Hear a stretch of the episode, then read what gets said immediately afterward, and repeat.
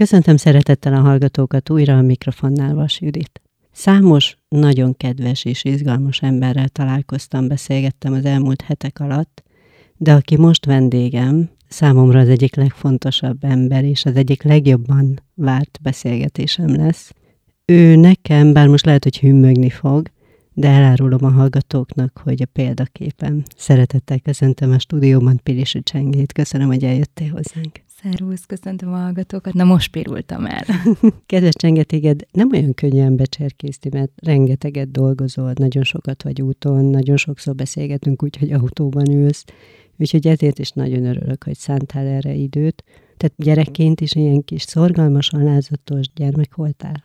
Azt hiszem, igen, hogy szorgalmas voltam mindig, mert hogy én mindig ez a, ez a négyes jó tanuló voltam úgy átlagban, és éreztem, hogy valahol mellé kell tenni, oda kell tenni mindig egy plusz dolgot, vagy, vagy nem elég az, amit én nem tudom, így egy-egy tantárgyból mondjuk esetleg a tanórán megtanulok, vagy ellesek. Én mindig odafigyeltem, én mindig szerintem ez a ez a megfelelős diák voltam, megfelelni akaró a tanárnéninek. Hát végül a szorgalmat szerintem a, a szüleimtől tanultam el, talán ez, ez így belém nevelődött, belém ivódott, mert hogy mindig egy ilyen, szerintem egy ilyen négyes képességű tanulónak számítottam, de ahhoz, hogy valamivel többet nyújtsak, vagy többet kapjak, vagy, vagy, vagy odafigyeljen rám a tanárnéni, akkor mindig kellett valami plusz.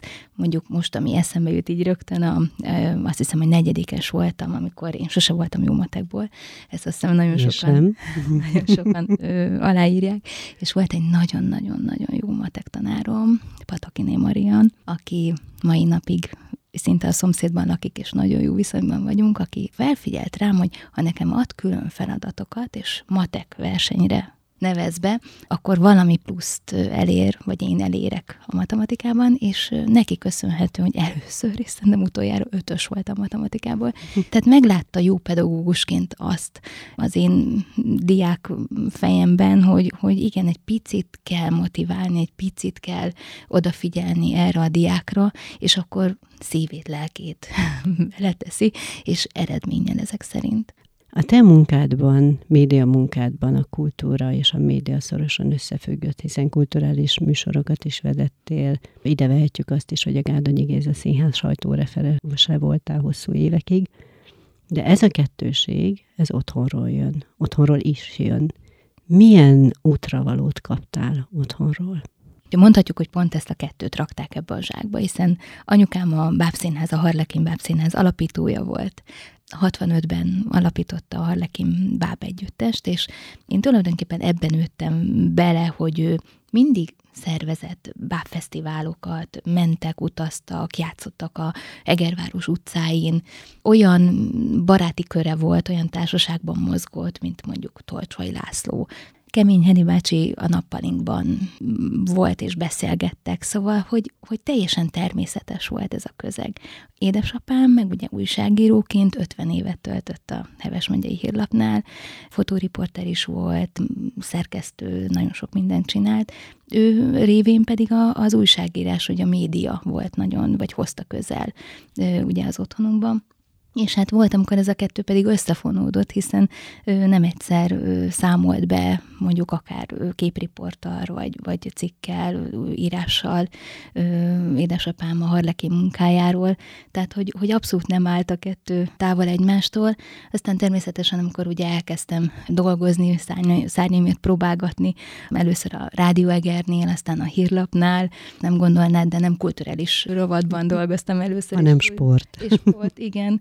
Hát például a vízilabda meccseket közvetítettünk, nagy Attillát kísértem, és Ládi Lászlót, aki akkor már a Városi tévénél dolgozott, és én gyakornok egy éven át jártam velük a, a vízilabda meccsekre, és hát akkor nagyon-nagyon jó volt akkor is, nagyon jó volt a csapat, és rengeteget utaztunk hétvégenként, általában szombati napunkon, és én egy idő után elkezdtem erről tudósítani a hírlapnak. Hát gondolom egy idő után meg is köszönték a munkámat, mert én inkább a hátteret, a, a meccsek mögötti munkát és az érzelmeket domborítottam ki, és nem annyira a meccs eredménye volt fontos, de jártam például tájfutó bajnokságon, ami szintén, tehát hogy érdekes, hogy, hogy mennyire elkanyarodtunk ugye a sport felé, de talán, talán ebbe kiismerült az érdeklődésem a sport iránt, és utána jött a kultúra, és természetesen a színház, hiszen Jóna Zoltán vett a szárnyai alá, és nagyon sok kulturális vagy színházi riportra kísértem el, nagyon sok riportot készítettünk meg, és, és lestem el, hogy ő hogyan beszél a színészekkel, hogyan épít fel egy kérdéssort, a riportokat. Élvezet volt, sokat tanultam tőle, és akkor jöttek ugye a, a kulturális műsorok, a, a beszélgetések a stúdióban, rengeteg, például az egyik kedvenc riport alanyom, ha ezt így lehet mondani, Rostásbe a Piros, aki hát azt hiszem, hogy körülbelül 16 éves voltam ki először, amikor először beszéltünk, vagy például Fehér Zsombor, 14 évesen, azt hiszem az első riportot nekem adta. És hát láttam ugye egészen kicsikoruktól, még amikor nem voltak olyan tapasztaltak, nem olyan ö, ö, tapasztalt riportalanyokként beszéltek, ö, hát egészen ugye hát hova jutottak el, hát a, a világ ismeri most már őket, és ö, velük is csináltam riportot, de hát nagyon sok, hú, hát hogyha visszanézünk, sok színésszel, képzőművésszel, filmessel, sok mindenkivel volt szerencsém. A hallgatók nem látják, de azért elárulom, megsugom, hogy egy kicsit elérzékenyültél, ahogy elkezdtünk így a szülőkről beszélni, egy-két könycsepp erejéig is. Te nagyon-nagyon könnyedén mosolyogsz, ugyanilyen könnyedén el is sírod magad. Ennyire érzékeny lélek vagy, és az érzelmek ilyen szabadon jönnek ki belőled? Hát ez jó kérdés. Igazság szerint, ha én azt gondolom, hogy ha, ha befelé vagy meg magamban nézek, én nagyon empatikus vagyok. Talán ennyire érzékeny nem voltam a kisfiam születése előtt, de de valóban, nagyon-nagyon együtt tudok érezni emberekkel. Mondjuk ez a munkádban nem biztos, vagy nem tudom, hogy segít-e az, hogy ennyire bele tudod érzelmileg élni magad. Hát azt gondolom, hogy segíteni segít, viszont nem könnyű a helyére rakni, vagy úgy elválasztani a munkát, meg az együttérzést. Mert valóban most, a, ha említettem, a Kossuth Rádiónál dolgozom, és vagy tíz éven át szerkesztettem a jelenlét Roma magazint. És hát itt ebben a, ebben a műsorban, ugye sokszor jártuk, vagy leginkább jártuk a vidéket, és nagyon sokszor találkoztam olyan családdal, aki hát azt hiszem, hogy a rosszat is megpróbálta, vagy megpróbálja pozitívan megélni, és, és pozitív oldalra fordítani. Szóval nagyon, nagyon nehéz sorsok vannak. Riporterként ugye az ember ö, rá kell, hogy kérdezzen dolgokra. Annélkül nem is megy szerintem, hogy, hogy ne érezd bele magad, vagy, vagy ne érintsen meg. Viszont valóban meg kell húzni a határt, hogy megérted őket, együtt érzel velük, de ugyanakkor meg, ha igen, mert egyfajta szócső vagy. Ugye te a világ felé viszed ezt a, az életüket, érzelmeiket, hogy milyen sorsban élnek. Te ezt közvetíted a világ felé, de nem tudsz rajtuk segíteni. Egyrészt nagyon empatikus ember vagy, másrészt tényleg bele tudod élni magad. Nyilván belül meg őről ez valamennyire, hogy, hogy ahogy hallgatod, és beleéled magad, talán szeretnél is nekik segíteni, vagy szeretnél még többet tenni érte, vagy egyszerűen csak megérint a dolog. Ezt akartam az előbb mondani, igen, hogy talán inkább csak nekünk rossz riportereknek, hogy, hogy nem tudsz mindenkinek segíteni, meg nem biztos, hogy út tudsz segíteni, hanem valóban csak azzal, hogy beszélsz a problémáról, azzal, hogy, hogy felhívod a figyelmét, esetleg mondjuk olyan illetékeseknek, vagy eljutatsz problémákat oda, ahova esetleg hát ha tudnak segíteni, de, de talán ennél többet nem tudsz tenni, pedig annyira tennél. Hm. Egy kicsit menjünk már még vissza gyerekkorba, vagy kamaszkorba, mert ha jól tudom, akkor a Szilágyiban dölt el végül is a te utad, hogy a média felé mész, a médiát választod. Jól tudom? Igen. Mondanám, hogy tegnap volt, de sajnos nem. Igen, amikor bekerültem a, a Szilágyi gimnáziumba, akkor engem meglepett, hogy, hogy annyira nyitott volt ez az iskola. Nagyon jó tanáraink voltak, és akkor Finta István volt az igazgató, és emlékszem, hogy olyan ötletekkel mentünk be hozzá, ami, hát én felnőtt fejjel biztos fognám a fejem, de hogy ő mindig, mindig mondta, hogy persze csináljátok. Ha, ha ezzel nem okoztok bajt, meg nem sérül senki, akkor, akkor legyen is. Például ilyen volt az újság is, amikor én első osztályos voltam, akkor már működött valamilyen szinten a Szeged-Szeggel gimnáziumi lap. Nem nagyon volt népszerű, és nem nagyon akartak írni bele, és nem tudom, hogy engem, lehet, hogy azért, mert mondjuk magyarból ötös voltam, és a magyar tanár szólt, hogy nincs kedvem írni, és akkor nagyon jó közeg volt, már harmadik, negyedikesek szerkesztették a lapot, és nagyon izgalmas volt már akkor ez a, ez a, ez a szerkesztőségi lét, és akkor emlékszem, hogy, hogy próbált változtatni az újság, és akkor beszéltünk arról, hogy hát ugye nyitott szemmel járjunk az iskolában, legyünk nyitottak az iskolai problémákra, és hogy, hogy akkor, akkor próbáljuk meg érdekessé tenni, hogy, hogy olvassák az újságot, és az első cikkem az, emlékszem, hogy a, arról szólt, hogy akkor még hogy akkor is tiltott volt a dohányzás az iskolában, vagy az iskola területén, és én hát mint elsős láttam, hogy bizony, bizony a mosdóban dohányoznak a tanulók. És akkor én erről írtam, hogy hát de hát akkor, ha ezt mindenki tudja, akkor ez miért nem lehet változtatni, és miért nem lehet kijelölni egy helyet, hogy akkor ott dohányozzanak. És akkor ez így megvalósult a cikk után. Valóban egy, nem is tudom, sikerélményem volt, hogy, hogy ilyen érdemes írni valamiről, ami lehet, hogy változtat valamin. Lehet, hogy ez volt a kiindulópont. Aztán olyan, azt hiszem harmadik osztályban elindítottuk az iskolarádiót, hát emlékszem, még nagyon-nagyon kezdetleges módon egy kölcsönkapott keverővel, egy nem használt szobában. Izgalmas volt, nagyon sokat segítettek akkor már a, a rádió egeres kollégák, vagy a tévé egeres kollégák, akiket időközben megismertem, szignál gyártottak, szóval, hogy így egészen komoly rádió működött az iskolában, de talán a nagy szerelem mégis az újság maradt nagyon sok programot szerveztünk a, a diákoknak, írtunk róla, bemutattunk diákokat, szóval hogy izgalmas volt az a négy év, vagy izgalmassá tette azt a négy évet. Mit szóltak hozzá a szüleid? Mindig féltettek, de hát Szerintem apukám mindig segített. Nélküle volt egy időszak, amikor szerintem nem jelent volna meg a lap. Emlékszem, volt egy news program, és az otthoni gépe feltelepítette nekem, és ott szerkesztettem, akár hajnal egy-kettőig is a mhm. diáklapot, és ö, szerintem nagyon sokat segített abban, hogy akkor még az egri nyomdában nyomtattuk ki, vagy nyomtatták ki nekünk ezt az újságot. Mit adtak neked a főiskolai évek, és közben párhuzamosan már milyen munkákban próbáltad ki magad? Hát mondanám, hogy először jött a munka, és utána a főiskola, mert hogy amikor én megismerkedtünk ugye Nagy Attilával, Ládi Lászlóval a Rádió Egernél, akkor egy nyári munka során ismerkedtünk meg, egy hétig sugárzott először a rádióeger. És akkor én ott bevittem az újságot, kávét főztem nekik, szóval így telt el ez az egy hét, reggel 5 órától vagy fél öttől, de annyira jó volt a csapat, emlékszem, hogy Budai Ferenc, Doros Judit dolgozott ott, tehát az akkori újságírás, egri újságírás krémje.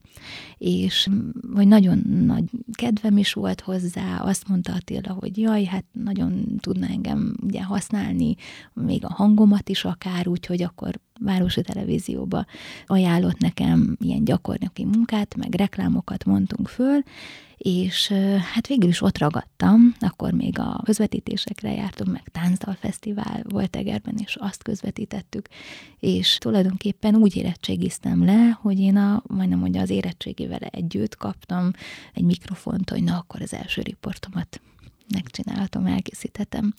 És Schubert Évával volt az első riportom, emlékszem, meg az Egri Szimfonikus Zenekarral, úgyhogy nagyon-nagyon hálás kezdeti időszak volt, és én akkor annyira nem is akartam még már úgy iskolába menni, nekem ez nagyon tetszett, hogy, hogy szeretem, amit csinálok, vagy csinálhatom, amit szeretek, és jelentkeztem ugyan a főiskolára, de nem vettem nagyon komolyan ide Egerbe, és eltelt két év, igen, két év, amikor, na hát tolt Forgó Sándor tanár úr, hogy, hogy akkor ugye elég eleven volt a kapcsolatunk az Egri főiskolával, és szólt, hogy hát indul a kommunikációszak, és hát nagyon örülne, ha én jelentkeznék, jelentkeztem is, és fel is vettek.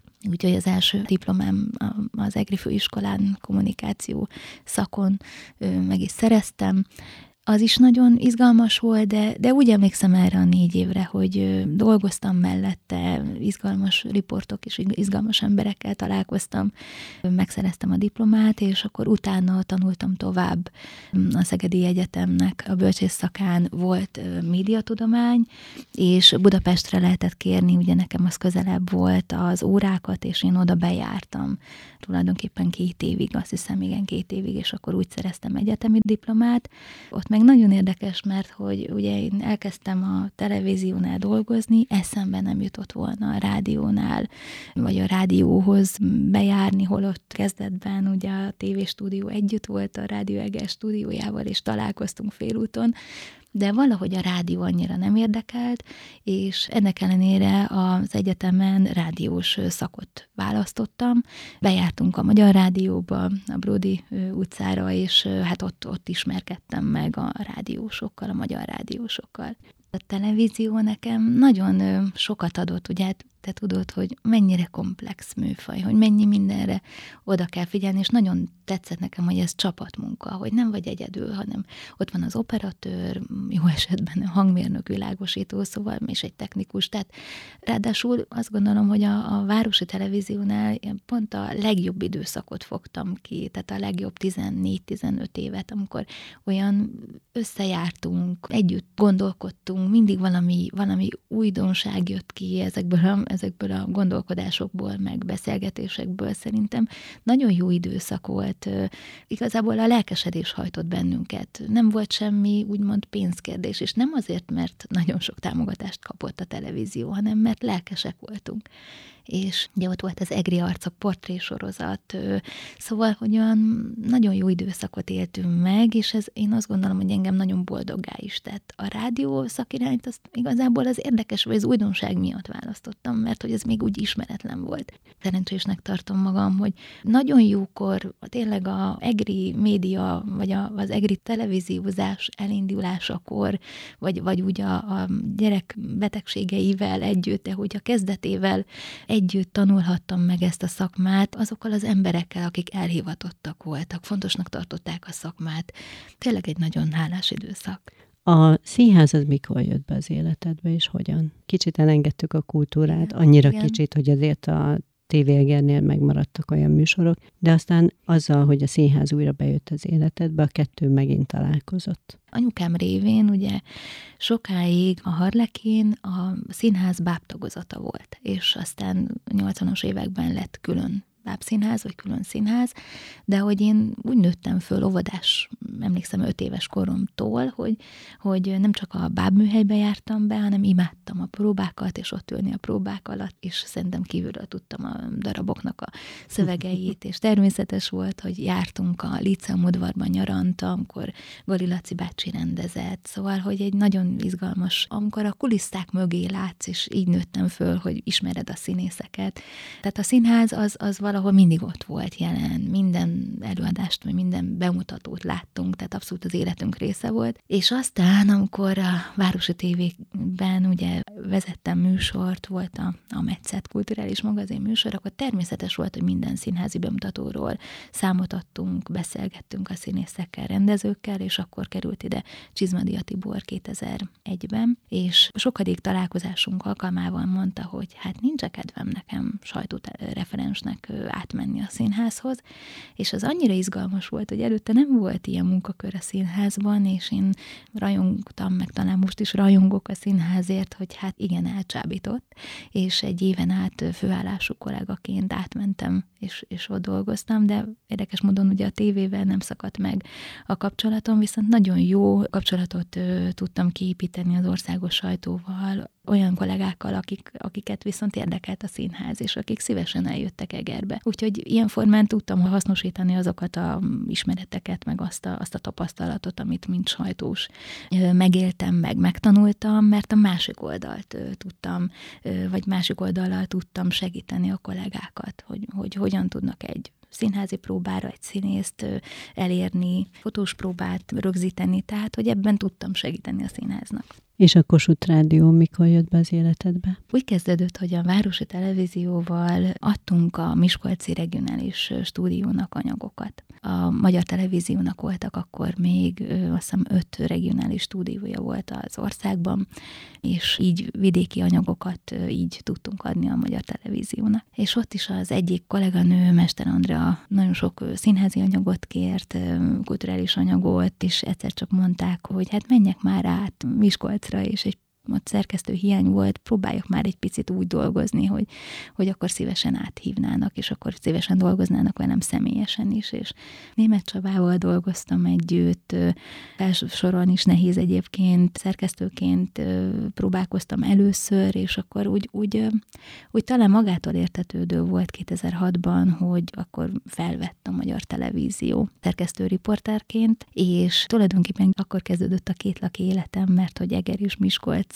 között ingáztam, volt, amikor négy napot voltam Miskolcon, volt, amikor, amikor ők jöttek át, és akkor Egerben készítettünk riportokat, akkor elkezdtünk, például a híradót is vezettem, a Miskolci Észak-Magyarországi híradót, szóval, hogy úgy egyre inkább beépültem Miskolcra egyre több lett az a, az a munkaidő, amit ott töltöttem, és amikor megszűnt 2011-ben a televíziós stúdió, akkor a Kossuth Rádió kötelékébe kerültünk, mint vidéki szerkesztőség, és akkor kezdődött tulajdonképpen a, a Kossuth Rádiós munkám, de én akkor már ugye vártam a kisfilmet, és akkor tulajdonképpen egy, egy-két hónapot dolgoztam a rádiónak, és amikor körülbelül olyan hat hónap után, tehát hat hónapos voltam, amikor már kezdtem el riportokat csinálni, és akkor olyan tíz hónapos voltam, amikor már visszamentem dolgozni. Szerencsére kitűnő nagyszülei vannak a kisfiamnak, és így tudtam rugalmasan dolgozni mellette. Úgyhogy így kezdődött a Kossuth Rádió tulajdonképpen, hogy a tévével kezdődött. Ma is két laki életet élsz, ez nem maradt el, hiszen Budapest és Eger között nagyon sokat ingázol, és nagyon intenzíven viszed a hírét Egernek és a Vármegyének. Ezt a ritmust, ezt a nagyon sok munkát, ezt a nagyon sok utazást, ezt meddig lehet bírni? Nem csak neked, nyilván párod, gyermeked, tehát Igaz, hogy Marci ugye már ebbe születik bele, hogy anya ennyit dolgozik, de úgy akár fizikailag, lelkileg Oké, okay, zárójelbe, nyilván imádod a munkád. Hogyan bírod ennyire? Hát, nem mondom el, hogy nem szoktam elfáradni, mert azért ez tényleg inkább abban a részében, hogy sokat vezetek. Ugye a rádió az ellentétben a televízióval nem munka, de azt gondolom, hogy ez ajándék, hogy ez a sok munka lehetőség? Igen, hm. igen. Tehát én azt gondolom, hogy én abba halnék bele, vagy az, az attól szenvednék, ha nem lenne munkám, ha lógatnám a lábom. Tehát, hogy, hogy ez, a, ez a másik oldal. Engem nagyon hajt, hogy találkozok emberekkel, hogy, hogy vannak új dolgok, és, és valahol mindig, mindig találok újdonságot. Talán olyan területeken is, amit már ötször, hatszor feldolgoztam, és mindig van valami érdekes, egyik hozza a másik témát. Én ezt élvezem. Sokan tudom, hogy furcsán néznek rám, de én, én ezt szeretem csinálni, és, és ez a pörgés szerintem addig jó, amíg az ember ezt csinálhatja, vagy azt csinálhatja, amit szeret. Ez talán a, a legfontosabb. Bár van olyan kolléganőm, aki azt mondja, hogy hát 40 fölött majd meglátod, és nem fogod annyira bírni, hát még bírom. és a párod bírja? Hát nem mondom, hogy nincsenek összezördülések köztünk emiatt, a munkám miatt, amikor mondjuk vasárnap reggel én fél hétkor már vágok, vagy még hamarabb, de hát ő így ismert meg, mondhatjuk, tehát őt is a televíziónak köszönhetem. Úgyhogy ő ismeri, hogy, hogy mi hajt, meg, meg hogy mennyire szeretem ezt csinálni, úgyhogy szerencsére így fogadott el. Marci meg beleszületett ebbe valóban, úgyhogy azt gondolom, hogy szerencsém van vele. Ő is egy nagyon-nagyon rugalmas és ilyen kompromisszumkész kisfiú, úgyhogy szerencsém van. Személyiséget sugároz szeretetet, tehát azt érzi az ember melletted, hogy olyan, olyan szeretve van, vagy nem tudom ezt jobban megfogalmazni. Te viszont érzed-e akár a riportalanyaidból, azokon a helyszíneken, ahova kimész, akikkel beszélgetsz. Tehát érzed-e a hallgatók az emberek szeretetét?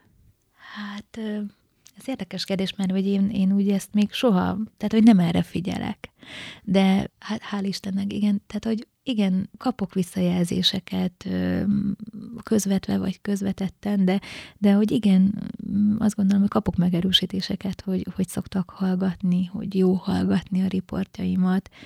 Igen, azt gondolom, hogy, hogy igen, ez, ez azt azért érzem mondhatjuk, hogy érzem, igen. Uh-huh. A visszajelzés egyik formája volt, hogy többször is díjazott lették, vagy jelöltek, például az Egercsillag a díjra, vagy kaptál is, mint például a Mészáros György, vagy a, vagy a Heves megyei Prima díj. Ezek, hogy érintettek téged? Hogy tényleg van egy olyan visszacsatolás, hogy te jó vagy abban, amit csinálsz, vagy és szeretnek téged? Hmm. Hát én egyrészt borzalmasan meglepődtem minden alkalommal. Soha egyébként azt hiszem, hogy a Magyar Turisztikai Ügynökségnek a igen. turisztikai újságírója kezdte, vagy indította el, ott is azt éreztem érdekes módon, hogy legyen az egyébként ilyen országos díj, vagy helyi díj, hogy, hogy inkább nem is az, hogy az ember jó ebben a dologban, amit csinál, hanem inkább ez, a, amit mondasz, hogy szeretik, amit csinálok. Én azt gondolom, hogy a, ez a turisztikai díj is, hogy most akkor ezzel kezdem, tudom, hogy kiterjesztett fel, és tudom, hogy, hogy a, a Tiszató körül nagyon sok riportot készítettem, és, és akkor kedves volt ez, hogy gondoltak arra, hogy, hogy mint fejlődő vagy feltörekvő destináció, hogy ez fontos munka volt. Vagy mondhatnám ugye a Mészáros György díjat, hogy az is egy nagyon kedves gondolat volt, hogy, hogy eszükbe jutott a városnak, hogy, hogy ezek a riportok, amik Egerről készülnek, hogy ezek fontosak, vagy fontosak azok a területek, vagy azok az emberek, akik megszólalnak. Nagyon jól esett, de az ember átveszi, és utána megyünk tovább. Nem tudom, hogy volt-e benned valaha például kételj valamelyik területen. Viszont ezt a kételyt azért elég erősen tudja csökkenteni, hál' Istennek. Tehát amikor az ember akár a hallgatók részéről, vagy akár egy ilyen díj kapcsán megérez. Ezt tudod, olyan, van egy kedves barátom, ő szokta mondani, aki azt idézi mindig, hogy mind a ketten szeretjük a színázat, hogy a színész is minden este próbára teszi a bőrét. Tehát a, a nézőt, az, vagy a hallgatót, az nem érdekli, hogy te tegnap csináltál egy jó riportot esetleg, amire te is úgy gondolod, na ez jó volt. Te neked mindig abban a pillanatban kell jót, és, és lehetőleg a legjobbat adnod neki, a hallgatónak, hogy ő ettől azt érezze, hogy na, ez egy tényleg egy nagyon jó riport volt, ettől nagyon sokat kaptam. Szóval, hogy ez tulajdonképpen megerősítés, hogy ne, de, de egy pillanat, mert utána mész tovább, utána következik a következő riport, és abban ugyanúgy felkészültnek kell lenned, ugyanúgy jó kérdéseket kell feltenned, és ugyanúgy tulajdonképpen nem is bizonyítanod, meg kell felelned a szakmának, meg a hallgatónak. Meg saját magadnak. Hát azt nem mondom, hogy az a legnehezebb, de hogy igen. Te egyébként tudsz ideges lenni? hát hogy ne. Tehát mi az, ami téged igazán ki tud borítani? Most általánosságban is igazságtalanság, szegénység, elnyomottság, de van-e, hogy a düh kijön belőled? Hát mm, alapvetően persze én egy, egy nyugodt típus vagyok, alacsony vérnyomással, de de hogy, hogy valóban, ha, ha valami igazságtalan, akkor tényleg mm, van, amikor még fel is emelem a hangom. Olyaj. De nem vagyok ez a, ez a vibráló, ilyen idegbeteg típus, ez valóban így van. Viszont amikor mondjuk valaki igazságtalan valakivel, vagy esetleg velem szemben, az, az azért mondjuk fel tudom emelni szerintem a hangom. Ahogy így végigvettük egy kicsit az életedet, még a te szavaidra is, ha visszagondolok, egy nagyon szerencsés ember vagy sok szempontból. Egyrészt ahová születtél, ahogyan a szüleiden indítottak, az iskolai évek, a munkahelyek, ahol kikötöttél, a gyermeked, a párod, tehát minden olyan, olyan nagyon szerencsésen alakította a sorsodat. Legalábbis most így alatt a, ez alatt a pár perc alatt ez abszolút átjött. Van-e valami, amire vágysz még? Most ezt azért kérdezem, mert úgy érzem, hogy szakmailag is elérted azokat a célokat, amiket szerettél volna. Tehát bármelyik műfajban. Hát a mindennapi rohanás közben mindig arra vágyom, hogy jaj, egy kis én időm legyen. Megaludni. Megaludni többet. Viszont azt gondolom, hogy ha, ha most tényleg a szívemre kell tenni a kezem, akkor talán arra legjobban, hogy ezt, ezt csinálhassam még, nem tudom, nyugdíjas koromig. Szóval, hogy, hogy adja meg a sors, hogy így maradjon. Legyen így, kedves Csenger. Nagyon szépen köszönöm, hogy eljöttél hozzánk, és szeretnénk még téged hallgatni nyugdíjas korod után is. Köszönöm, hogy itt voltál. Köszönöm, én is. Kedves hallgatóink, Önöknek köszönjük szépen a figyelmet, legyenek velünk máskor is, Pilisi Csengét és Vasiditot hallották. Viszont hallásra!